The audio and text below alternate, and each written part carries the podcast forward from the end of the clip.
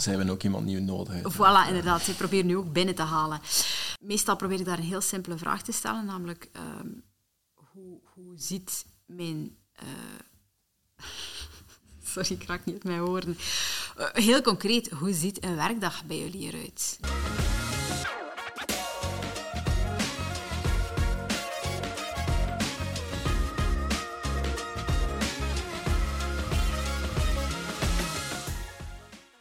Uh, maar dus, Ja. Evelien, ik kom je wel tegen hier in de studio, waar je werkt met mij op kantoor. Je werkt ehm, in een van de vorige podcasts hebben we dat allemaal uitgelegd, hè, want we hebben We Walk Talk, dat is een koepelorganisatie, en daaronder hebben we Studio Digitaal. En dan hebben we Dual Digitaal, en daarvoor zit jij vandaar. Dat is eh, zo ja, 50% werken op de werkvloer en 50% studeren. En dat is eh, ook iets wat we doen met We Walk the Talk. We allemaal in het, op de focus op mensen dingen laten bijleren en groeien als mensen en organisaties. Maar dan ga ik kort uit dat stu- duaal digitaal is, want hij moet dat veel beter kunnen dan ik. Ehm, met duaal digitaal ja, proberen wij onszelf een beetje te onderscheiden van het ehm, klassieke onderwijs eigenlijk. Ehm, en gaan wij gaan inzetten op het duaal leren. Ehm, dus we hebben een samenwerking met ESAL Management School in Brussel. Ehm, en daar geven ze eigenlijk een postgraduaat digitale marketing. Ehm, postgraduaat, dus dat betekent dat die studenten ook allemaal al een eh, bachelor of een masterdiploma hebben. Maar we zien eigenlijk in de praktijk, ze hebben veel theorie al gezien, maar ze missen wel nog praktijkervaring. Uh, vooral dat zij ja, echt aan het werk gaan eigenlijk. Dat is de grootste reden waarom dat zij zich inschrijven voor dat postgraduaat. Ehm, en, en met Duaal Digitaal geven wij eigenlijk de jongeren de kans om ehm, het, het eh, leren te combineren met eigenlijk het, het eh, ja, werken eigenlijk bij een bedrijf in een, op de marketingafdeling. Ehm, zodat ze eigenlijk de theorie die ze dan zien bij ESAL eh, Management School kunnen gaan omzetten in de praktijk. Je doet tot aan 50% de werkplekken, maar hoe vind je die werkplekken dan? Moet de student dat zelf zoeken? Dat kan. Uh, wij hebben een, een database van um, heel wat bedrijven die um, de laatste vijf jaar, de laatste vier jaar, want we gaan nu beginnen aan het vijfde academiejaar, die de laatste jaren hebben meegedaan. Dus daar kan de student zeker een bedrijf uit kiezen, maar als zij iemand kennen of als ze specifiek bij een bepaald bedrijf willen werken, dan kan dat ook.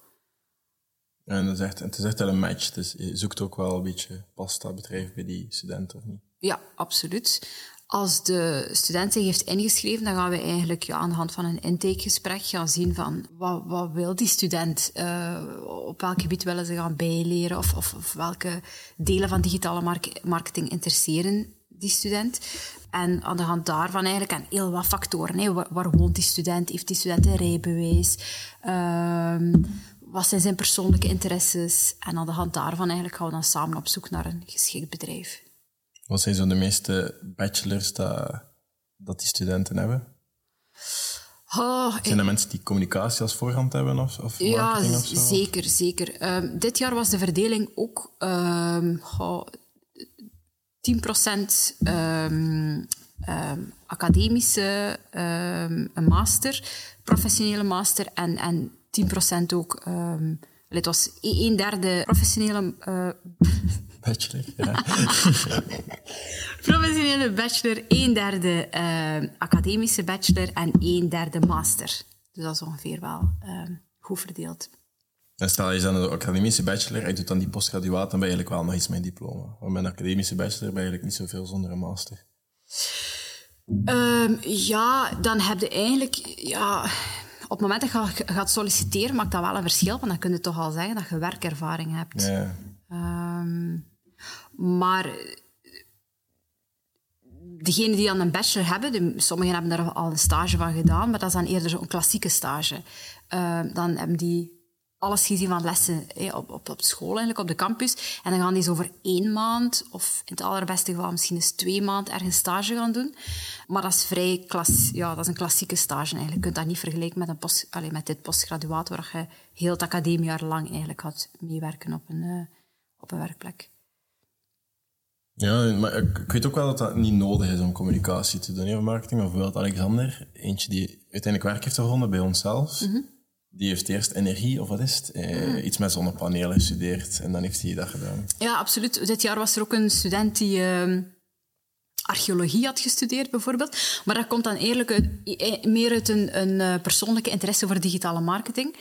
Eh, er kwam ook een student uit toerisme bijvoorbeeld, maar die zegt wel van, bijvoorbeeld, hè, van ja, ik wil een eigen bedrijf starten, ik wil iets gaan doen met e-commerce.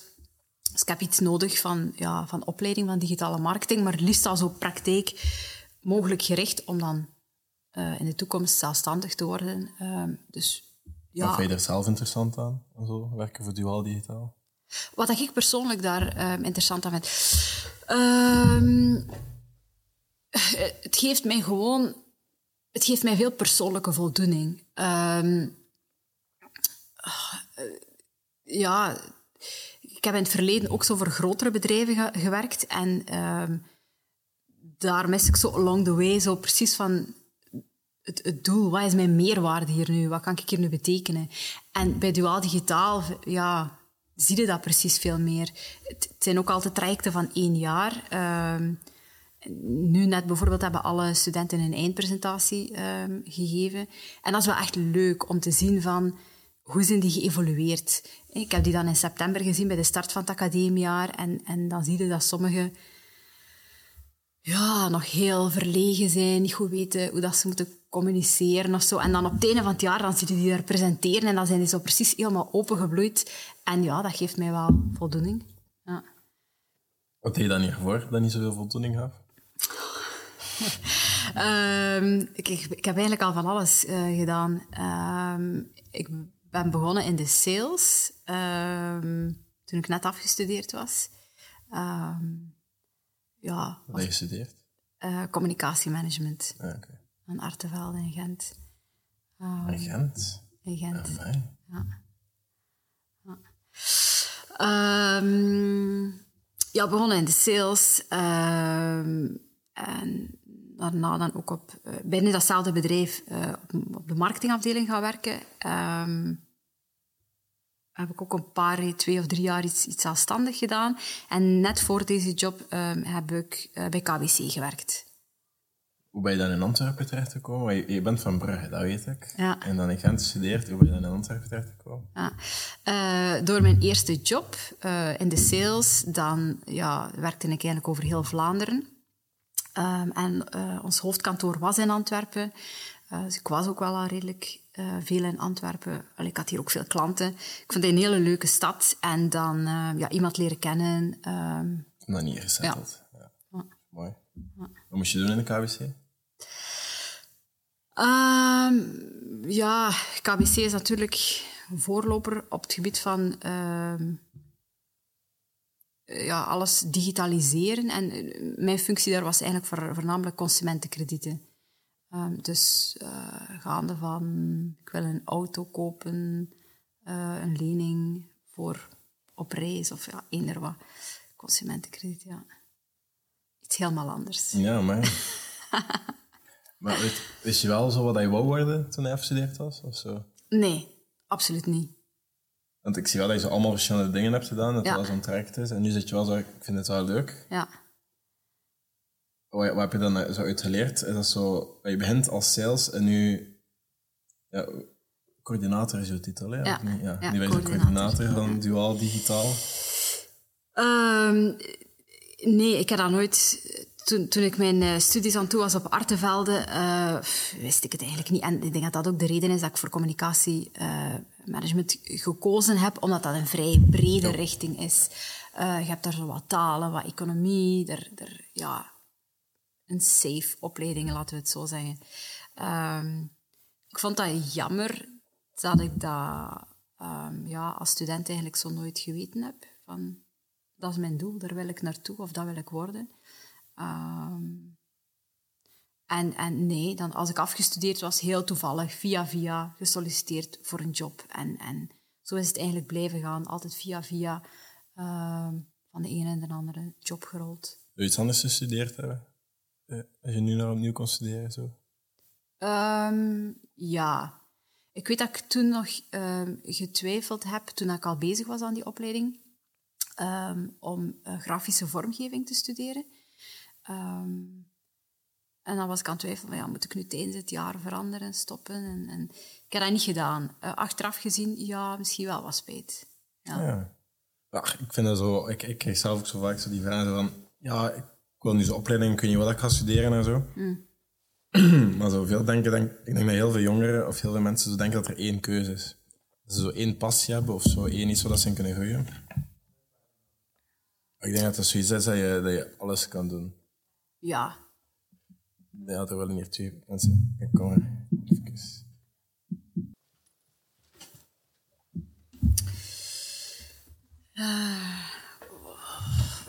Uh, maar veel mensen denken dat je zo één richting hebt. Ja. Dat ze zo één iets hebben waar ze in terecht kunnen. Terwijl dat zo, je hebt een interesse en je kan daarop verder bouwen. Whatever dat dat is. En dan kan je zo wel gepassioneerd worden op, op een interesse. Maar ik heb dat ook gedaan. Ik, ik, ik was net terug, ik, ik, was 18 jaar, ik ging naar het leren gaan. Ik dacht, dat is wat ik wil doen. Mm -hmm. Paracommando. Whatever dat ik wil worden. En dan uh, ik 18 jaar, ik ging naar de paras. En dan daarna dacht ik, ik had toch geen para worden, die zit hier Renault voor drie. Dus uh, ik moet in een station gaan staan of zo, whatever dat toen was. Ik had er goesting in. En dan dacht ik, weet je, ik wil wel beren knuffelen en in de natuur zitten en zo. Dus ik ga biologie studeren. Oké. ik had daar twee weken tijd voor, dat te beslissen. Dus dan ben ik biologie aan studeren, semester dag, dan dacht ik... En toen dacht ik inderdaad ook van, weet je, ik ga wel ooit... Want ik heb, toen had ik zelf een leefloon, dus dan mocht je ook niet alle richtingen doen. Want dat was ook zo, ik ook gewoon filmschool doen eigenlijk. maar dan zeiden ze van ja, het is er niet zoveel werkzekerheid in. Dus uh, we hebben liever iets anders Uh, want dan ga je geen leefloon meer krijgen van, van de staat. Okay. Um, dus dan dacht ik, oké, okay, weet je wat, ik ga gewoon later mijn eigen filmhuis oprichten. Dus ik dacht, ja, een beetje onderneming doen. Ik ga gewoon bedrijfsmanagement studeren en afstuderen in marketingcommunicatie. Ja.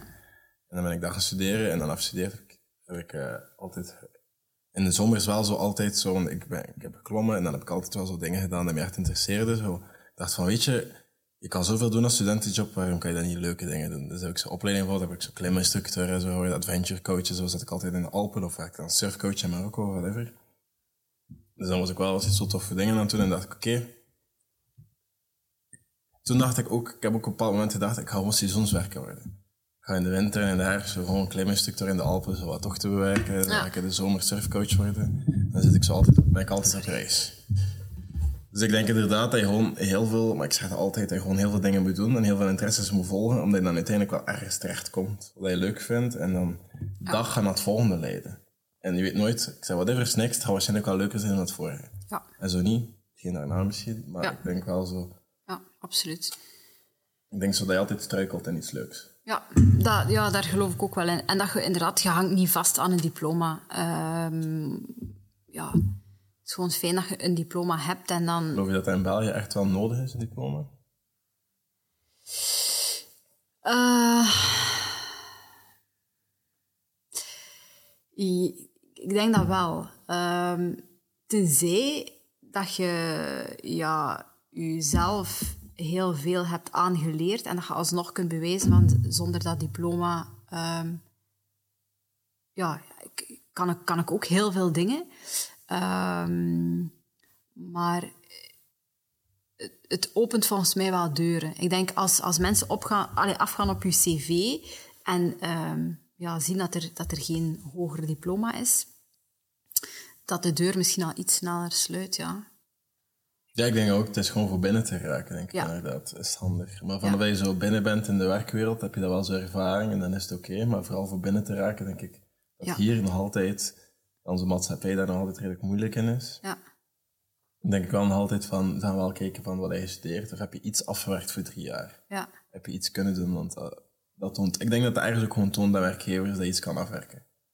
Dat je zoiets kan volhouden voor een bepaalde tijd.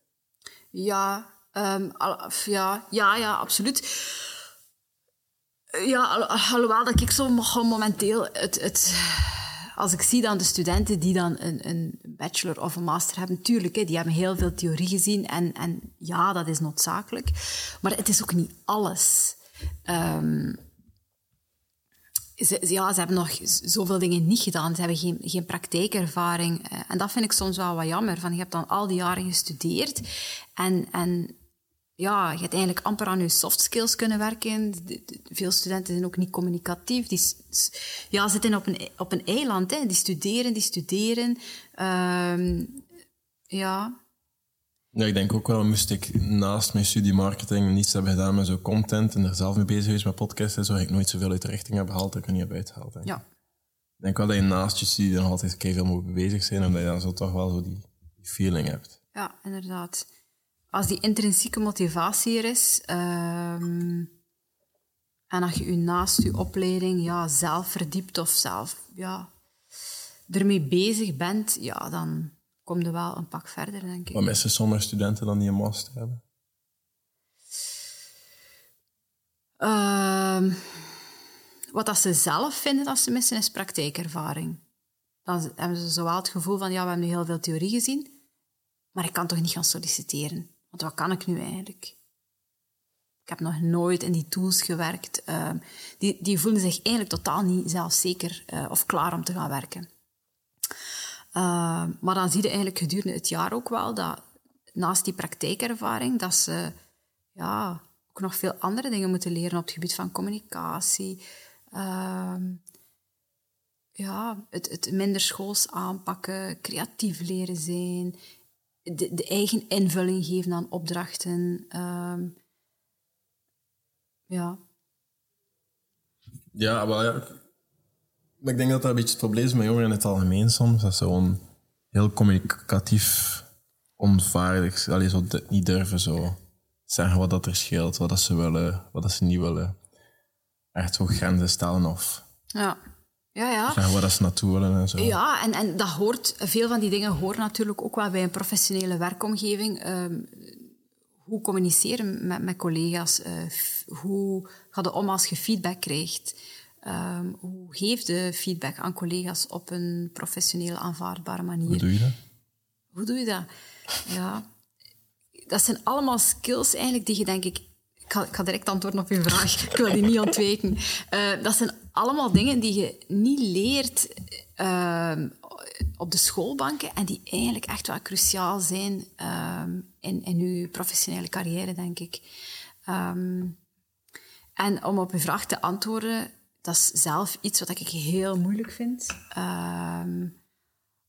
Waar ik, ja, dat is echt bij mezelf ook een werkpunt. Ja, hoe, hoe, ik, betrap mezelf daar soms ook op, ze, dat, dat ik soms iets niet leuk vind of, of, en dat ik dat zo heel snel ehm, opkrop of niet durf uitspreken. Ehm, en dat is gewoon nefast op, ja, Maar zijn dat dingen dat je moet leren in het onderwijs? Of zijn dat die dingen dat je ook zo moet leren ernaast? Bijvoorbeeld leren spreken met mensen en zo. Ik heb ooit zo ergens gehoord, denk ik, of gelezen of gezien, maakt niet uit. Maar dat er zo twee plaatsen zijn in heel je leven waar je jezelf leert verkopen. En dat op sollicitatiegesprek en tijdens daten. En dat, die, die persoon maakte de statement dat je, dat je heel veel moet op dates gaan en op dingen, omdat je dan letterlijk leert praten over jezelf en leert zeggen, ja, ik denk dat je nog iemand moet binnenlaten. Ja, we zijn vandaag op een andere locatie, omdat onze gebruikelijke studio volzet was. Dus vandaar worden we even af en toe onderbroken. Nee, maar die maakte dus het statement dat je zo eigenlijk heel veel op eerste dates moet gaan, omdat je dan letterlijk leert praten over jezelf Ja. en leert, leert van wie ben ik, maar je leert ook wat je wilt en wat je niet wilt en daar duidelijk zo. Ja. dingen. En anderzijds, ja, meer op dates dan dat je op sollicitatiegesprekken gaat, volgens mij. Ehm, afhankelijk van persoon misschien. Ik weet dat niet, ja, bij mij was alles. Hè, Eh, maar ja, ook een belangrijke ontdekken wat dat je wilt, wat dat je niet wilt. Eh, en dan niet enkel binnen een relatie, maar ook op het gebied van werk. Ja, dat is ook heel belangrijk. Ehm, en dat leerde ook gewoon maar door, door te doen, hè, door ervaring. Ehm, en, en ook al zit het soms in een job dat je denkt van, ja, dit is echt niets voor mij. Toch is dat, allez, geloof ik, is dat wel echt een meerwaarde. Want dan weet je na dat jaar ook van, oké, dit wil ik niet meer in een job. En in mijn volgende job wil ik... Maar zijn dat dan eigenlijk dingen dat je moet leren op, op, een, op een opleiding? Of? in het leven? Ja, heel veel dingen um, leerde aldoende, leerde uh, op, op een eerste werkervaring. Maar ik denk bijvoorbeeld het, het, het, um, het dingen van uh, feedback geven, feedback krijgen en zo, dat dat toch wel iets is wat je eigenlijk ja, op school al... Ja, wel, ja, ja ik, heb dat wel bijvoorbeeld... Ja, inderdaad, we hadden superveel groepswerken in onze op, opleiding. Ja. Zoveel dat, dat mijn strot uitkwam, maar... Je leert er inderdaad al omgaan en samenwerken met andere mensen, wat een goede skill is. Mm. Maar ik denk wel dat, dat ik persoonlijk bijvoorbeeld niet zoveel groepswerken voor nodig had om dat te leren. Maar Omdat je daar- buiten je school heel veel sociale... daar hebben ze dat wel geleerd. Allee, daar drammen ze dat er wel in, dus ik denk dat dat wel iets goed is. Maar ik denk anderzijds ook wel dat er zo heel veel zaken zijn. Bijvoorbeeld, heel veel mensen willen nu, ja, dat en dat. Bijvoorbeeld, we moeten mental health. Eh, wat ik niet slecht vind, dat vind ik, dat is misschien wel iets dat eigenlijk wel moet in de middelbare school. Zo, misschien wat worden, hoe zorg je voor jezelf en hoe, doe je, hoe zorg je wel voor je mentale gezondheid. Ik vind dat iets goed. Maar ik denk dat we soms heel veel te veel van dingen dat je gewoon moet leren door te leren, willen steken in het onderwijs. Ja, ehm, ja voor, voor een stuk volg ik u daar wel. Ehm, maar ik vind het ook wel te beperkend in de zin van enkel die theorie. Die theorie is niet heilig. Eh, er kunnen denk ik veel dingen op de schoolbanken korter gebracht worden en al veel meer gefocust worden op praktijk, op, op het echte beroepsleven. Eh, want nu zie je soms dat, dat, die, ja, dat echt die overgang heel ehm, drastisch is voor veel studenten. Van enkel die theorie, enkel die boeken naar het bedrijfsleven. Ja, dat snap ik al. Ehm, en en ja, hetgeen wat ik persoonlijk, maar oké, ik, ik ben afgestudeerd in denk ik, 2007 of 2008. Ehm, wat ik voor mij persoonlijk jammer vond, is dat ik ehm, een, een ASO-richting heb gedaan en eigenlijk nooit echt geweten heb ehm, ja, wat de andere opties zijn, wat de andere mogelijkheden zijn, waar ik goed in ben. Ben ik creatief? Wil ik iets, iets, een grafische vormgeving of zo gaan doen? Ehm, dat, heb ik, dat heb ik gewoon nooit, ja, nooit verkend. En, en ja, dat hoop ik. Ehm, ik heb zelf een dochtertje. Oké, ze is nog maar twee jaar, maar ehm, dat ga ik wel zeker proberen. Haar niet in het klassieke systeem te pushen. Je dingen laten ontdekken. Ja, ja, naast het ASO en, en zien van is ze creatief, eh, toneelschool, you, you name it. Gewoon zoveel mogelijk dingen uitproberen om te zien wat, wat doe ik graag, waar ben ik goed in. Ehm, ja. Nee, zeker. Ja, ik denk dat iets super mooi is en iets super goed. Maar ja, inderdaad, dual digitaal doet dat wel eens. Je gaat leren op de werkvlak. Maar wat heeft de werkgever daar dan aan? Want allee, die heeft dan weer een extra stagiair of weer iemand. En dat is niet per se allee, werkkracht. Het, ja, heel veel voordelen, denk ik, voor, voor, de, voor de bedrijven. Ehm, het, het grote voordeel is ten opzichte van een klassieke stage, ik zei het daarnet al, van dat is vaak één maand. Toen ik studeerde met, met mijn bachelor heb ik ook één maand ehm, stage gelopen bij uh, D-Light van O'Neill. Um, en en ja, dat, is, dat is vrij kort, dat is maar één maand. En tegen dat je eigenlijk goed ingewerkt zit in een bedrijf, uh, wat, dat, wat van hun kant ook wel wat energie vraagt, dan is die student al terug weg. Um, en bij ons, is, bij ons het eigenlijk een traject van zeven maanden, dus die student heeft echt wel de tijd om zich in te werken en op lange termijn mee te werken aan projecten. en een bijkomend groot voordeel vind ik nog altijd dat gedurende die zeven maanden um, kun je echt wel zien van is dit een match, is deze persoon, deze student een match met mijn bedrijf? Um, je laat die meewerken aan projecten en ja, de dag van vandaag hoorde ook wel als, als bedrijf, het is niet meer zo evident om de juiste mensen aan te trekken. En doordat je dan al zeven maanden samenwerkt, zien we ook wel dat heel veel studenten vaak blijven werken in dat bedrijf. Um, dus als je het, ja, ook op die manier kan het eigenlijk een leuke insteek zijn om um, op zoek te gaan naar de juiste mensen. Ja, je bent inderdaad wel al binnen een bedrijf. En als je daar zeven maanden werkt, dan is het wel de kans groot dat je er maar blijft werken. Ik heb hier stage aan met drie maanden. Ik ben erin geslaagd om in drie maanden tijd wel dingen te doen en zo. Dat ze daar van, ja, oké, okay, blijf dat maar doen.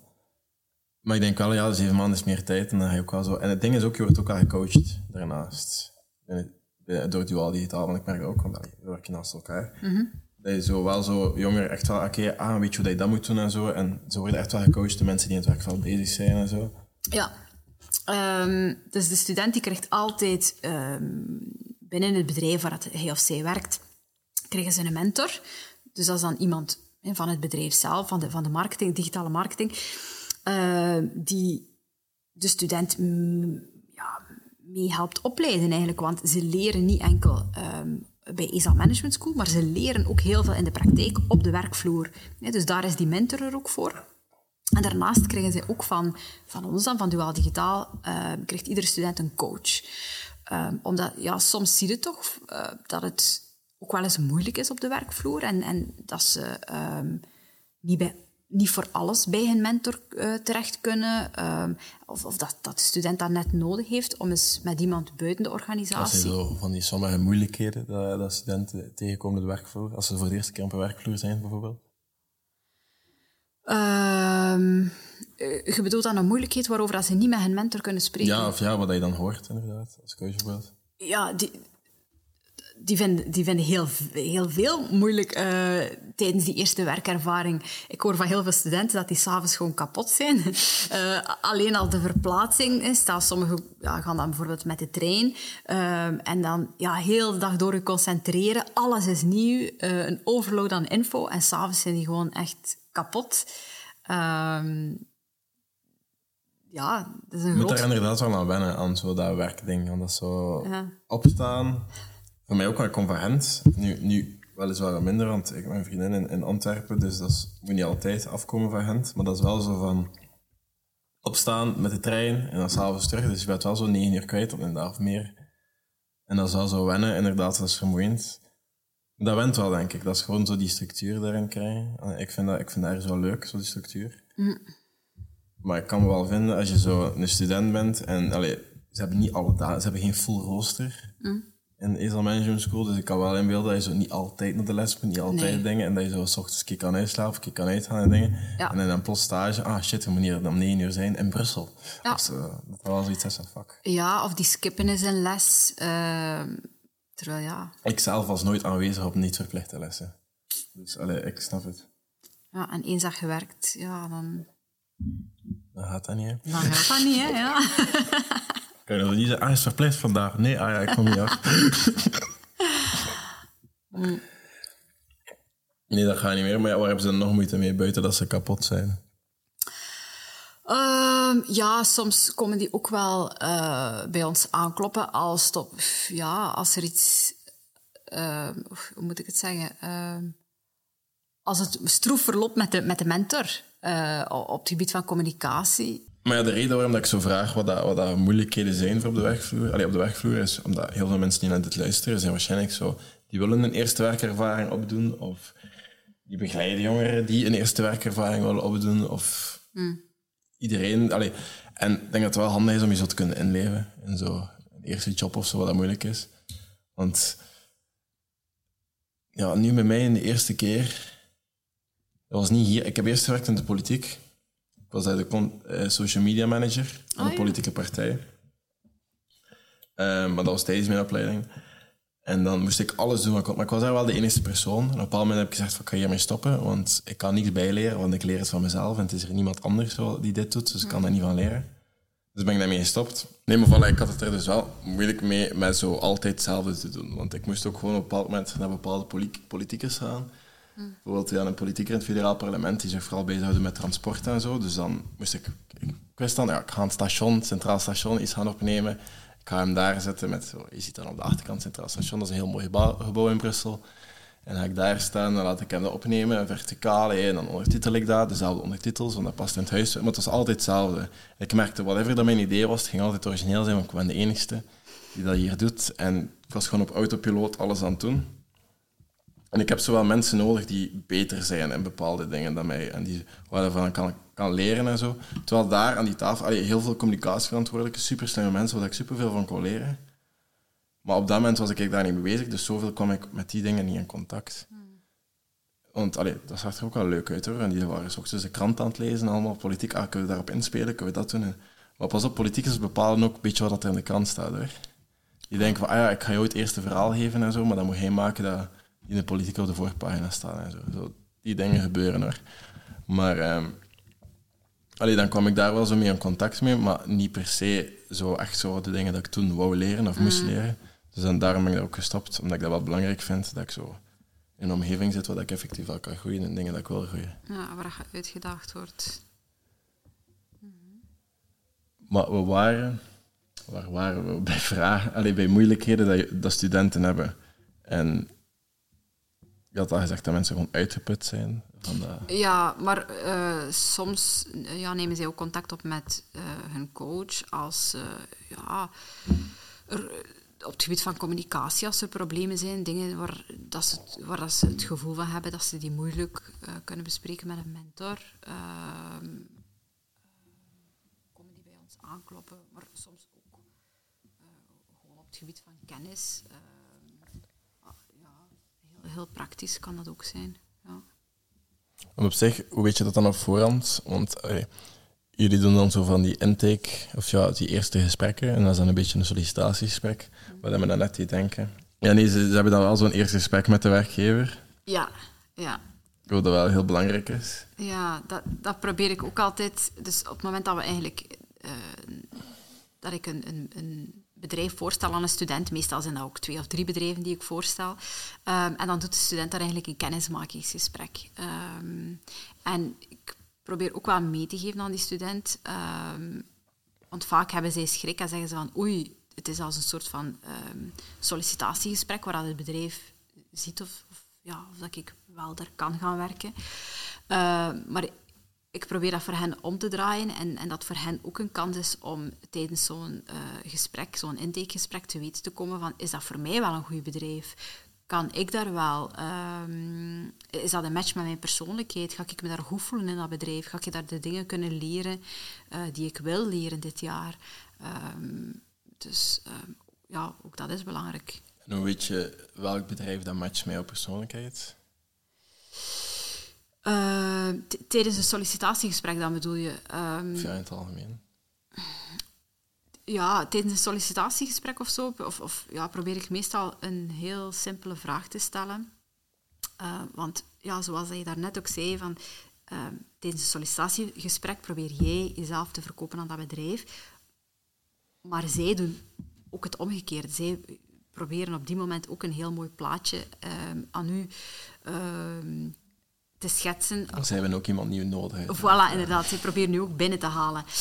Um, en en um, meestal probeer ik daar een heel simpele vraag te stellen, namelijk um, hoe, hoe ziet mijn... Uh, sorry, ik raak niet uit mijn woorden. Uh, heel concreet, hoe ziet een werkdag bij jullie eruit? Nee, ik weet dat ik dat ook nog heb gevraagd. Maar bij mij, bij mij was het mijn stage. Met de, toen ik hier begon met de stage. Ik heb dat, ik heb, dat, ik heb dat geregeld op één dag, hè. Mijn, mijn stage. Ja. Ik, ik werkte als adventure instructor en ik kreeg plots een melding. Arno, als je dit semester nog wil afstuderen, dat kan, maar dan moet je morgen een stageplaats zoeken. Hm. Mijn, mijn, mijn uh, die had zoiets van, dat gaat hem toch niet lukken, maar ik ga hem zo wel een keer in, in, in boontje smijten. Zo van, kijk, moest hem lukken, dan kan het niet zijn dat we niks hebben gedaan voor hem. Ik denk dat hij wel niet had verwacht dat dat me ging lukken. Maar ik, had dan zo, met, ik werkte toen als adventure instructor en toevallig werkte ze met een communicatiebureau en toevallig deed een, deed een mens blijkbaar ook heel veel voor jonge mensen en zo. Want mijn, mijn werkgever toen die wist dat ik wel met mijn podcast en zo heel veel voor jonge mensen deed. Ja, van ja, dat gaat misschien wel een match in en zo. Ik s'avonds bellen, van, ik heb een stageplaats nodig. Dan naar en denken, kijk, dat is wel in Antwerpen. En toen daarna hadden wij zo ook een online gesprek. En dat was dan met mijn mentor van school. En dan met, met Kanchan en met Rafael. En dat was dan ook zo van een eerste kennis maken. Wat gaat hij allemaal doen? Wat gaat hij allemaal...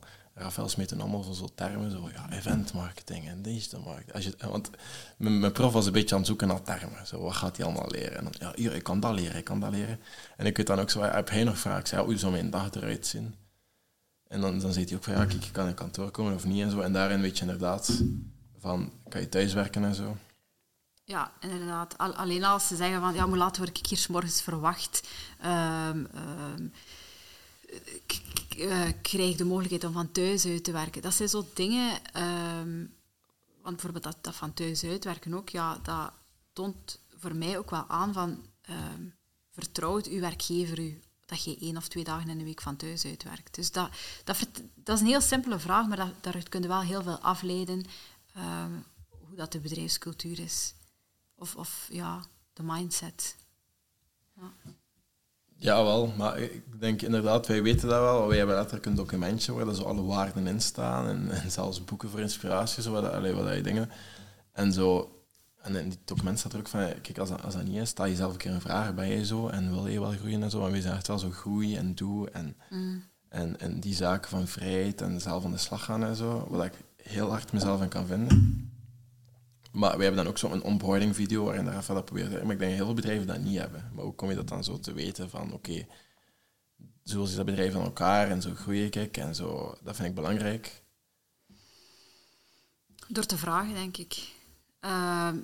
D- ja, Dat vond hij belangrijk.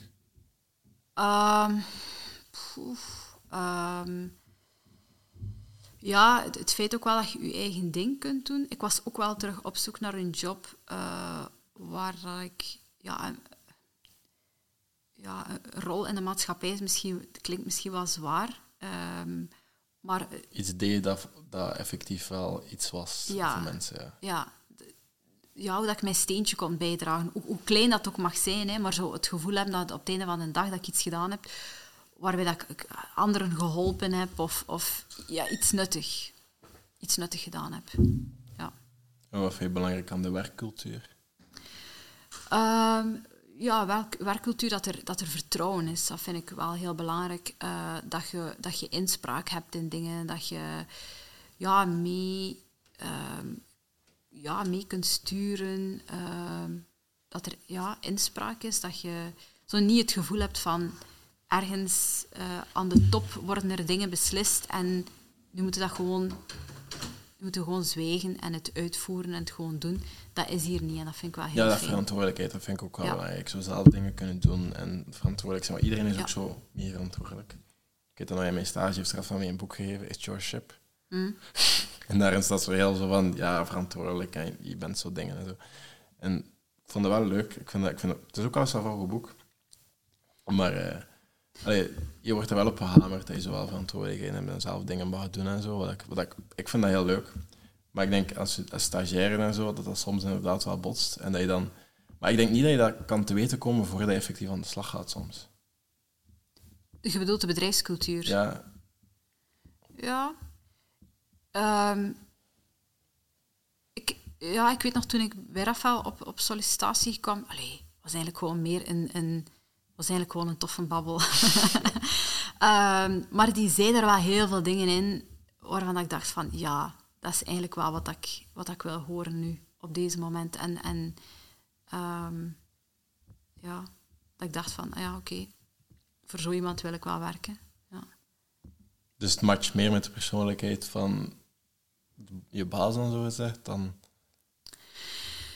Ehm, is natuurlijk een belangrijke, hè? collega's en waar, waar je mee samenwerkt. Ehm, als, ja, als dat niet klikt, ehm, je zit heel veel dagen, allee, of heel veel uren per dag samen. Dus dat, ja, voor mij is dat wel belangrijk, dat, dat ik daar een klik mee heb.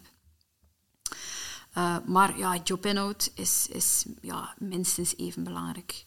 Ehm, maar, maar ja, ik zeg het, voor, er zijn heel veel dingen in deze job die mij ook aanspraken. en, en de manier waarop Rafael daarover vertelde. En ja, dat was voor mij echt een... Ook het feit dat je op teenslippers naar het werk kan gaan. het feit- Ja, Havaianas, dat is... eh, eh, ja, ja, ik kan alleen maar aanraden. Een sollicitatiegesprek gaat eens langs, kijk eens rond u, wat dragen de mensen? Eh, dat, is dat vertelt allemaal dingen over, over, ja, over de mentaliteit eh, van, van de mensen daar. En ook in dat sollicitatiegesprek. Rafael was casual. ehm, ik had, ja, ik had ook Ja, niet... zijn er tegenwoordig nog zo communicatiebureaus of marketingdingen dat er zo strak in pak... eh, Bestaat dat nog? Het bestaat nog. Ja? Ja? Bestaat nog, ja. Maar zo de dingen wat ik gepasseerd heb, zie je dat niet meer. Nee, nee, nee, absoluut niet. En, en ehm, ja, De ergens heeft dat ook wel iets, hè, zo strak in pak. Maar ik snap, ik zou het niet alle dagen kunnen volhouden, denk ik. nee, ik ook niet. Iedere dag in een deupjes naar werk komen. Nee, heeft mij toch maar een jeans. Dat snap ik. Ja, ik wist niet dat er echt nog zoveel voorkomt. Maar ja, op zich, misschien zo die grote functies wel nog, denk ik. Dat dat misschien zo van die giant bedrijven, dat dat misschien daar wel verwacht wordt. Ik denk dat het ook in- zo'n internationale houding heeft, hè, soms. Ja, Ja. pas op, Mark Zuckerberg draagt ook een t-shirtje. Hè. voilà. Ja. Ja. Soms stel ik me de vraag van, heb, ja, heb je dat nodig? Heb je een blazer en een das nodig om je te profileren? Ik weet het niet. Is een, ja. Maar bij sommige jobs hoort dat wel, denk ik. Bij advocaten bijvoorbeeld en zo. ja. Dat, dat komt er eigenlijk zo bij, zo, dat, dat een advocaat altijd netjes gekleed is of zo. Ik denk, moest een advocaat komen in een t-shirtje op sletsen naar mij, terwijl ik hem nodig heb, zou ik ook wel iets oei. Dat een beetje zo'n maatschappelijke dingen dat we daarop leggen. ja. Tenzij dat hij zich al heeft bewezen, hè, maar Mijn vorige job was in de bank. Hè. En, en als vrouw ja, waren ze daar eigenlijk wel vrij tolerant. Daar kon ik ook gewoon een jeansbroek bijvoorbeeld dragen.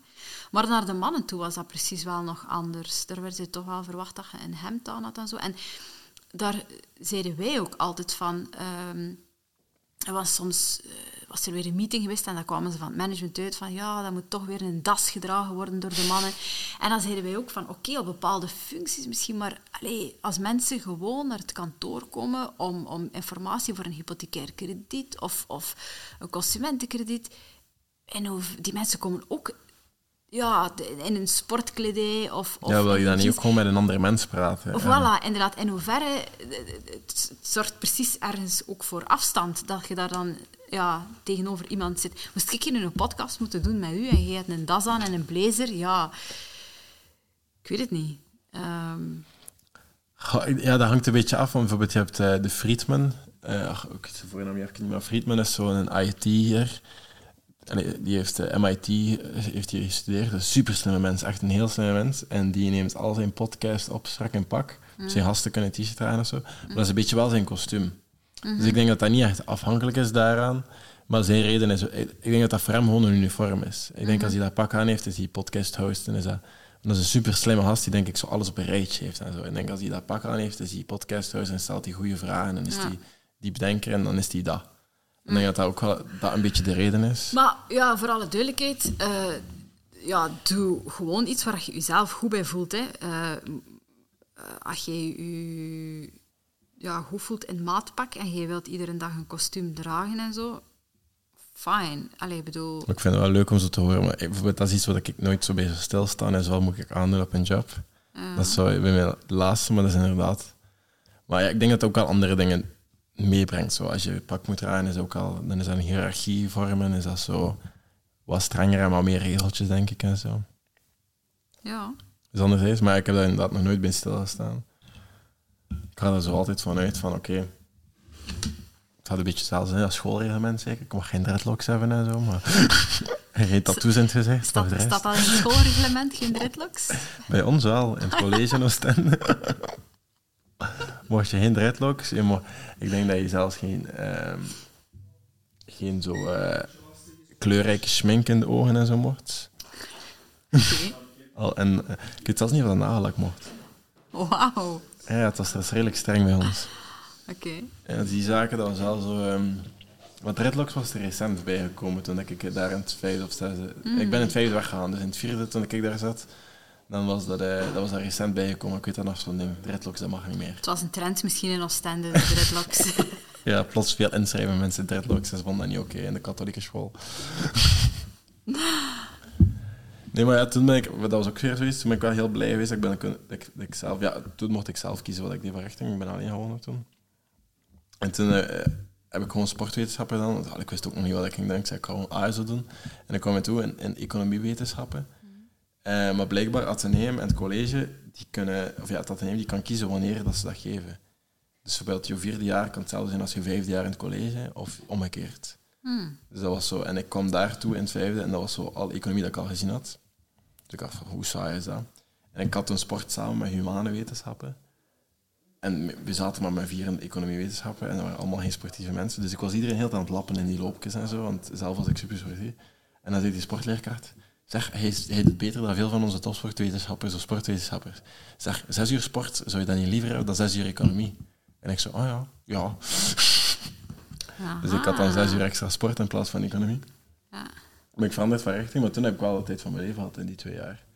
En dat is echt wel zo, ik ben heel blij dat ik dat gedaan heb en ik heb mijn vijfde jaar ook gedubbeld. Hè. Maar ehm, Omdat ik eerst in een richting zat dat ik niet wou gaan zitten. En ik had er heel veel labels en in het weekend zat ik in instellingen en ik had geen wisting om aan die labelverslagen te werken. Dus ik was sowieso al gebuist. Eh, maar toen heb ik wel inderdaad zo zelf kunnen kiezen en zelf kunnen doen. En ik denk wel zo dat heel veel ouders of zo soms wel nog zoiets hebben van je moet dat doen, je moet dat doen. En dan krijg je zulke gevallen. En ik, ik, ik, ik heb toen Dat de zelf... student niet gemotiveerd is, dan bedoelde. Ja, ja, en ik heb toen echt zelf kunnen kiezen en ik heb de tijd van mijn leven gehad. Ja. En sport is... Pas op, sport is nog redelijk uitdagend hoor, want die wetenschap wordt dan dubbel op gepusht. Hè. Dat is dan zo twee uur chemie, twee uur fysica en heel wiskunde en zo. Dus sport is niet makkelijk, want dan moet je ook nog zo veel meer doen in sport. Terwijl dat normaal is dat zo'n easy vakje. En wij moesten dan nu zowel zo veel meer kunnen voor een 20 op 20 te hebben. Want als je in sport iets op 20 op 20 had, dan was je wel heel goed. Bepaalde dingen, bijvoorbeeld een, een 5 kilometer, ik weet dat nog, moest je onder de 20 minuten lopen. Wat dat toen voor mij heel snel was. Nu denk ik van, dat zou wel lukken. Maar ehm, ja, dus ik denk wel dat je zo dat er soms wel te veel druk wordt gelegd op, op jongeren of studenten van ja, daar ga je werk in vinden, like dat ik daar straks zei, zo, dat ik geen filmschool mag doen of zo. Want uiteindelijk is dat, is dat de keuze van die mens en die mens moet inderdaad genoeg gemotiveerd zijn om dat af te maken. En als je al ergens in wordt geduwd, Ja. want heel veel ouders hebben inderdaad zo, dat je zei, dat ASO, zo van, dat is de veilige keuze en dat is veilig en je gaat, je gaat dan veel kunnen doen en zo. Ja. Dus heel veel, ik ben daar ook letterlijk in geduwd. Ik heb er nu geen spijt van, want ik heb kunnen verder studeren en zo. Ik denk dat vooral in het verder studeren belangrijk is. Maar ook daar, ik ben zo in de ASO geduwd, dat we zelf niet echt te kunnen kiezen. Maar ja, wat zijn de alternatieven? Is dat, is dat duidelijk voor iedereen? Dat weet ik niet. Maar is dat tegenwoordig nog zo ASO, BSO? Ja, dat, dat denk ik wel. En het, eh, ja. Of ja, nee. Veer heeft over laatst denk ik een keer uitgelegd met, tegen mij dat dat zo nu is. Verder studeren noodzakelijk. Verder studeren niet echt noodzakelijk. En dan direct werken. Ik denk dat het nu zo ondergedeeld wordt blijkbaar. ja, ik niet. Dat niet meer zo ah, dingen, maar dat zo meer dat ze een beetje aan het rebranden zijn naar je moet verder studeren, je moet niet per se verder studeren, maar het kan. En Ja, je moet niet meer verder studeren. Dat het nu een beetje zo gerebrand wordt. ja. Maar dat wel inhoudelijk nog een beetje hetzelfde is. Vind je dat beter? Ik weet het niet. Als ik daar, ja, ik zou dat eens moeten echt... Misschien, ja, maar ergens Ja. is dat wel... Allee, puur vernaming, denk ik dat dat vernoeming denk ik wel beter is. Want ik denk... Ja, ik was ook wel zo'n klein rotzakje die zich beter voelde dan T-zorg en B-zorg, omdat ik A deed. Maar ik denk nu dat, dat als je het gaat naar... Je moet gewoon verder studeren, of je moet niet per se verder studeren, dat zoiets is van, oké, we doen hetzelfde, maar ik wil gewoon gaan werken. Of ik weet nog niet zeker of ik wil gaan studeren. Of. Ja. Goh, weet, ik denk, vroeger was dat gewoon ook van... Kun je goed studeren, dan is dat vanzelfsprekend dat je ASO doet. Eh, en alle kinderen die ja, moeite hadden met concentratie of met studeren, ja, dat werd TSO of BSO. Ehm, Ja, ik was zo een, hè, maar... ja, eh, denk, ehm, want nu vind ik wel, als je iets studeert, ehm, ja, I don't know, laat me nu zijn houtbewerking of, of elektricien of eender wat. Ja, het zijn wel mooie beroepen. Ik denk dat er daar ook wel heel mooie, ja, er is daar heel veel vraag naar ook, hè, naar mensen die echt iets kunnen eh, met hun handen. Dus ja, Ja, in, in op je, op je interesses, maar ik denk dat ik wil afsluiten met iets dat misschien interessant is voor de luisteraars. Is dat nog een keer terug naar dat sollicitatiegesprek en zo. Want eh, ik, had, eh, ik had vroeger een prof en die zei, ehm whatever, voordat je solliciteert, ze hebben altijd een marge ingerekend. Ze gaan altijd het laatste, laagste aanbieden dan dat ze hebben. Want stel dat jouw loon zoveel per maand is, is dat het minimum dat zij je willen geven. Dus dat je altijd moet onderhandelen voor verder. Maar die houden zich echt niet stil.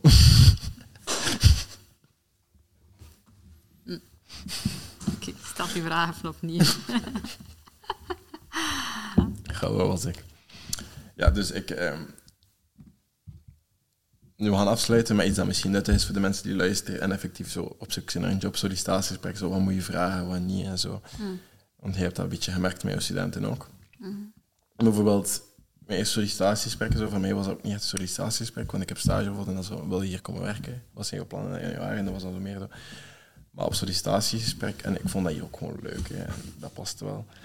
Maar ik denk wel eens op sollicitatiegesprek, voor bij mijn prof zei, want wij krijgen wel zo, als je zo... ehm, en op het laatste daar van onze richting was dat zo, je had je stage gedaan en dan krijg je zo op weg naar verdere studies of werk. En dan geven ze je wat tips en zo. En dan daar zit die prof van, eh, je moet bijna altijd onderhandelen op je loon.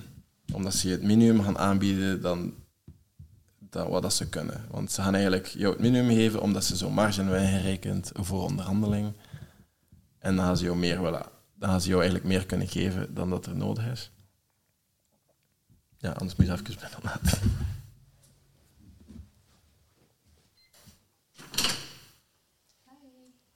Zijn jullie iets aan het... Ja, we zijn maar- podcast aan het opnemen. Maar, hè? Ah ja, oké, want eh, we gaan wel eh, geluid maken ook en zo. Ja, we zijn binnen een kwartiertje klaar, of tien minuutjes. Dus Er zijn je- mensen binnen in de zaal al. ja, ja, Ja, Ah ja.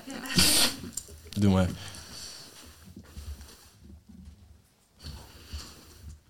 Verelen met daar goede ideeën om hier een podcast op te nemen.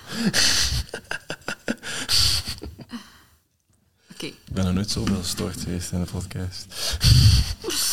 Eh, ja, herhaal die vraag nog eens. Zesde keer, goede keer. Ja, nee, antwoord gewoon. Ik heb hem al gesteld, ik ga het wel uitknippen. Oké, goed. Ehm, eh, wacht, hè. Wat was de vraag weer? Of dat je moet onder- onderhandelen voor prijzen. Ah, ja, ja. Ehm, Maar ja, dus vind je dat zelf belangrijk? Ik heb eigenlijk nooit de vraag gesteld. Vind je dat dan zelf belangrijk om te onderhandelen qua loon? Of wat zijn dingen dat je zeker moet aanpakken als je gaat solliciteren buiten hoe ziet een dag eruit en wat is de cultuur en kom je overeen met die mensen, denk je? En- ja, ik denk dat het inderdaad belangrijk is dat dat, voor mij dan althans, dat dat persoonlijk ehm, ook wel een match is. Ehm, dat je ergens in een omgeving zit waar je je goed voelt. Eh, eh, ik spreek nu voor mezelf, hè, waar ik mezelf kan zijn, eh, waar dat ik ja, mij kan vinden in de visie van het bedrijf ook, waar ik weet dat ik de dingen ga kunnen doen die ik wil doen, een bepaalde vrijheid ook ga krijgen. Ehm, weten dat er vertrouwen is, vind ik ook heel belangrijk, in beide richtingen. Ja, vind ik ook heel belangrijk.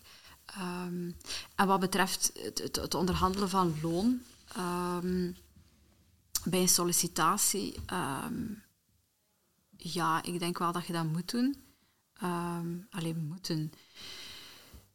Eh, je moet ook een beetje zien binnen zijn context. Ik denk, toen ik net van school kwam en ik ging gaan solliciteren voor mijn eerste job, dan kan ik het me eigenlijk niet goed meer herinneren of dat ik het gedaan heb. Ik was toen ook al blij dat ik een firmawagen kreeg.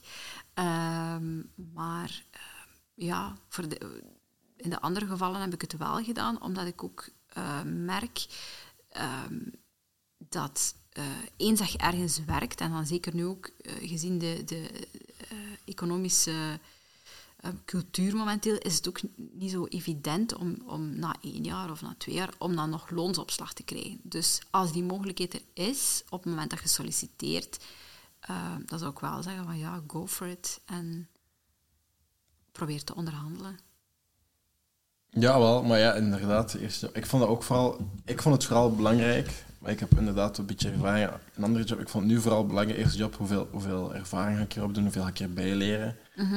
En ik wil like, meer focussen op ervaring, want dit is mijn eerste officiële job. Ja.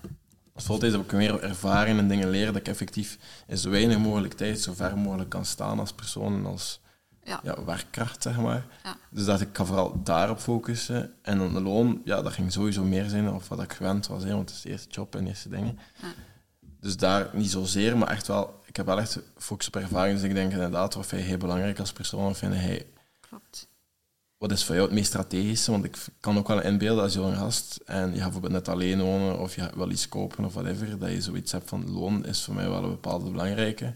Omdat ik wel iets probeer op te bouwen en zo. En ik kan niet zo op iets minimum, of ik moet nu net iets beginnen zoeken en zo. En er komen plots heel veel kosten dat ik niet gewend ben. Kan dat wel een belangrijke factor zijn, denk ik. Ja, ik denk inderdaad ook als je van school komt, ehm, ja, allee, het, moet, het moet een goed aanbod zijn dat je krijgt. Hè, maar ik, in hoeverre zit het dan... Ja, ehm, in hoeverre kun je dan al onderhandelen over loon? Ik denk dat de focus als schoolverlater ook wel inderdaad ligt op ja, een goede werkomgeving. Het feit dat je heel veel kunt bijleren, dat je kansen krijgt enzovoort. Uh, dat daar zeker ook heel wat focus op ligt. Um, maar... Um, ja, en voor alle duidelijkheid,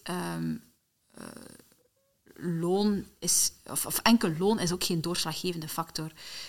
Um, allee, voor mij ook, ik, ja, ik moet zien ook in mijn job dat ik me amuseer. Dat is, dat is voor mij belangrijk, dat ik uitgedaagd word. Um, en, en ja, loon speelt daar absoluut in mee.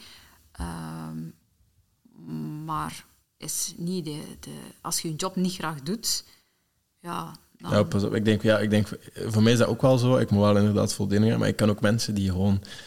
Of ja, mensen, ik ken geen iemand die dat doet, die, die zes maanden per jaar werkt. Mhm. En die, doet dat, die werkt heel hard. Die heeft zelfs die heeft zo'n formule. En dan mensen komen naar hem, de klanten, en dan werkt hij zes maanden heel En dan zes maanden zit hij te reizen en, te surfen en zo. ja, dat is en dan werkt hij voor te leven. Nee, ja. dat is anders inderdaad. Maar hij doet dat inderdaad wel echt zo om... Hij doet, hij doet dat werk niet per se graag. En ik denk, dat noemt zo, dat heeft een naam, Carl Newport heeft dat uitgevonden en ik ben wel fan van zijn boeken en zo. En dat is Career Centric, Career Central, plan, het, is, het is met planning en centric en career. en, en hij zegt wel, ja, je moet je inbeelden, waar ga je thuiskomen? Hoeveel uur ga je werken per dag? Of ga je van thuis werken of werk op locatie? Of um, ga je heel het jaar doorwerken? Of um, wat ga je doen met werk? Vind je het werk dat je doet belangrijk? Of vind je het leven dat je daarnaast belangrijk? Vind je het allebei belangrijk? Je zo, en dat zijn zo allemaal vragen die je zo niet echt gaat stellen. Maar zo die oefeningen kun je maken voordien. En zo daar een keer over nadenken kan wel helpen met daarbij stil te staan en zo op, op zoek gaan naar een job. Maar ergens ja. is het ook niet altijd zo goed, denk ik, om superveel eisen te hebben voordat je een eerste job hebt gedaan. Ja, ik, vind dat wel uh, een goede insteek, inderdaad. Want soms kun je wel zo zeggen van, ah ja, dat type job vind ik tof. Want er komt eigenlijk zoveel bekeken. Uh, dus een vriendin van mij die, die is in de verpleging gegaan. En dan, uh, ja, omdat ze dat heel, lekker heel leuk en boeiend en uitdagend. Um, maar dan ziet ze nu in de praktijk van, ah ja, oké, om een deftig loon te hebben, dan moet ik ook heel veel shiften en nachten werken. Um, en ja, die heeft kinderen en dan ziet ze nu van, ah ja, in de praktijk is het toch niet zo ideaal om te gaan combineren met mijn gezin. Dus hetgeen wat je zegt van over bepaalde aspecten van een job ook gaan nadenken op voorhand, ja, dat is, dat is zeker ook wel belangrijk. Ja, dat doe je niet als je rechten kiest. Hè. Als je voor suppleren of zo, van, ik wil zo leven hebben, hoe weet je dat allemaal? Ja. Nee, dat is inderdaad. Maar ik vond het ook wel een hele goede, zo van eigenlijk vooruitplan en dan zo terugwerken. Zo. Mhm. zo van, ik weet dat ik die dingen wil doen en zo, dus wat vind ik dan belangrijk? Ja. En nu hebben we het voordeel en communicatie en zo, er zijn heel veel mogelijkheden om heel veel vrijheid te hebben als job en zo. Dus, dus dat vind ik ook wel erg belangrijk. Ja. Ergens heb ik mezelf ook heel lang gezien als seizoenswerker, ik heb het gezegd. Dus allee, het is, dat verandert ook wel, maar inderdaad, zo die vraag stellen voordat je een job gaat zoeken is wel handig. Ik denk dat dat eh, zeker verandert. Um, als je 25 of 30 of 35 zit, dat die... Um, um, ja, hetgeen wat dat je zoekt, dat dat, dat dat ook verandert. Ja, soms kom iemand tegen of andere dingen. Ja, ik weet nog in mijn eerste job zei ik van ja, ik wil heel veel vrijheid en ik vind het niet erg om heel Vlaanderen rond te rijden en ik wil onafhankelijk zijn. En uh, ik wil nooit een saaie kantoorjob doen. Hè? En dan, ja, vijf of tien jaar later, dan sta je drie uur uh, per dag in de file en dan denk je van, ja, dit, dit wil ik niet meer. Ik wil wat meer standvastigheid en ik wil wel een kantoor... Ik wil met de fiets naar werken. Ja, ik wil met de fiets gaan werken, absoluut. Ik heb, ik heb kinderen. Um, ik, ik, ik zeg maar iets, ik moet mijn kinderen in de namiddag uh, om vier uur van school kunnen afhalen en ik wil s'avonds net weer kunnen uh, doorwerken, bijvoorbeeld. Dus ook dat, ja, dat, dat, dat verandert gewoon um, ja, gedurende de jaren, denk ik. Nee, voilà. Ik denk dat, dat we daarmee een heel mooi stukje kunnen afsluiten. Want zij beginnen hier ook nu muziek te maken. En als achtergrond uh, stel ik altijd de tweezelfde vragen. Ah, ja. um, als je jezelf tien jaar geleden advies zou kunnen geven, wat zou dat dan zijn? Uh, tien jaar geleden. Oh, dat was ik al aan het werken. Of net voordat je ging werken. Ja, kunnen we niet twintig jaar terug Twintig jaar terug is goed. is goed. 20 jaar terug. Vanaf nu moeten al de, al, in alle podcasts moeten die vraag aanpassen. Nee, 20 jaar. Ik denk wel Eh, dat ik soms 20 heb besteld. Hoor. Dat, het is gewoon, je vroeger zelf, je geeft je advies.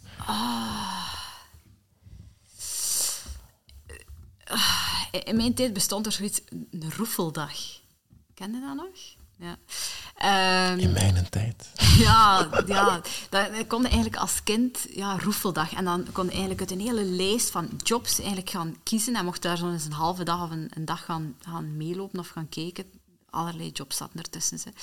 Ehm, Is ook cool. ja, is, is inderdaad dat zo wat meer te gaan doen. En, en ja...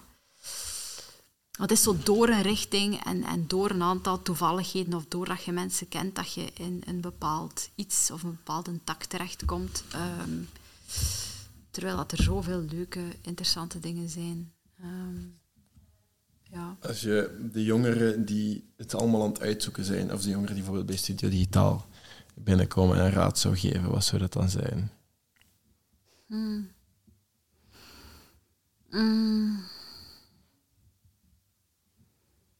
Ja. ehm, tch, moeilijk. Ehm, ja, afhankelijk van, van, ja, van de jongeren zelf. Bij sommige jongeren denk ik van die moeten gewoon, Werken. ja, gewoon gaan werken en, en die gaan along the way wel zichzelf leren kennen en wat dat ze leuk vinden of niet leuk, waar dat ze goed in zijn, niet goed in zijn. Ehm, ja, soms moeten gewoon door het te doen, gewoon ervaren. Ehm, ja. Als je zo één probleem bij jongeren in, de jeugdzorg van Antwerpen of zo zou willen oplossen, wat zou het dan zijn? Dat is de eerste niet-jeugdwerker dat ik dit vraag. Ja. Ja. Goh. Ja, moeilijk om... Ja, ik word daar niet zo vaak mee, mee geconfronteerd, maar... Welk advies ik hen zo? Of wat ik wil oplossen van Eén problematiek? probleem, ja. Ik ga je eerst laten antwoorden en dan ga ik dingen zeggen dat al vernoemd zijn. Een probleem oplossen. Ehm, ja, ik, ik, ik wou gewoon dat, ja, voor hen dat, dat, ehm, dat werkgevers die soms ehm, al sneller een, een kans zouden geven. Maar soms ja, sta ik er zelf van, van versteld wat, dat, wat, dat die, wat dat die jongeren kunnen. En die hebben allemaal een eigen verhaal, een eigen achtergrond. Maar die hebben vaak gewoon geen diploma of zo. Ja. ja, ja. Of, of soms ook, ja, ik, ik zie die dan ook soms bij u op, op, op kantoor boven bij ons. En dan ja, zijn dat, is dat soms bijvoorbeeld een heel introvert persoon.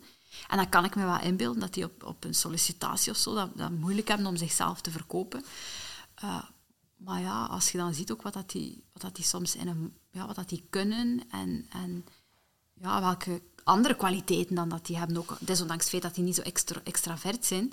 Ehm, ehm, ja, ik denk die, die eerste kans krijgen, dat dat voor hen wel heel cruciaal is. Heel mooi. Ja, ja, de, meeste jeugdwerkers kwamen echt zo met zo van die grote problemen. Bijvoorbeeld zelfvertrouwen. Ja. Of algemene inclusie. Of wat heb ik nog gehoord? Eh, mentaal leed. Zo die zaken. Maar dit is, het is een heel andere insteek, dus ik vind het wel leuk. Eh, maar merci, ik vond het heel leuk. Ik vond het een leuke, leuke babbel. Het was Ja. een leuke namiddag voor mij. Ja, Ik ga het hierbij afronden. Ehm, als je als jongere luistert naar deze podcast en je vraagt je af of dat Studio Digitaal iets voor jou kan zijn, we hebben nu een drieweekse gratis opleiding waarin je alles leert over het bouwen van een webshop. Ook daarvoor hebben wij een, ehm, daarover hebben wij een podcast opgenomen met Edlin. Dat is iemand die een gelijkaardig traject afgelegd en nu bij een werkgever hebt. Want die opleiding zorgt er wel voor dat je een kleine voorsprong krijgt op de arbeidsmarkt. Als je dan een beetje aan het zoeken bent of zo, dan hebben wij wel een netwerk van eh, werkgevers, zelfs een netwerk dat duaal digitaal gebruikt voor dingen. En daar soms zijn dat bedrijven die een heel klein budget hebben of die wel iemand extra kunnen gebruiken. En soms denken wij, ah, dat is een match met iemand die bij ons ook zo'n traject heeft opgelopen. Dus dan kunnen wij die laten invloeien. En ehm, anderzijds, stel, oeh, dat is een stapje te ver, dan hebben wij wel na iedere donderdag een open café. En dat is letterlijk gewoon een drankje drinken met, met ons en een spelletje spelen. Hier beneden van drie tot vijf. En dan kan je gewoon binnenwandelen, kan je gewoon wat vragen stellen. En dan kan je gewoon, ah oké, dat, dat zijn eigenlijk wel nog zoveel mensen die daarachter zitten. En eh, die kunnen misschien wel iets voor mij doen, of helemaal niet. Even goede vrienden. Maar dan kan je wel een keer gewoon langskomen van drie tot vijf. Ehm, en stel dat dat moment niet lukt, kan je ook gewoon een keer binnenspringen bij ons in de studio, Studio Digitaal. En dan is er wel altijd, iedere weekdag van 9 tot 5, iemand op het bureau ehm, die jouw vragen kan beantwoorden. En dan, uh, dat is het. Merci om te luisteren. Stuur deze podcast door naar iemand die er iets aan kan hebben. En dan zien we jullie volgende week donderdag om 5 uur met een andere podcast. Salut. Bye.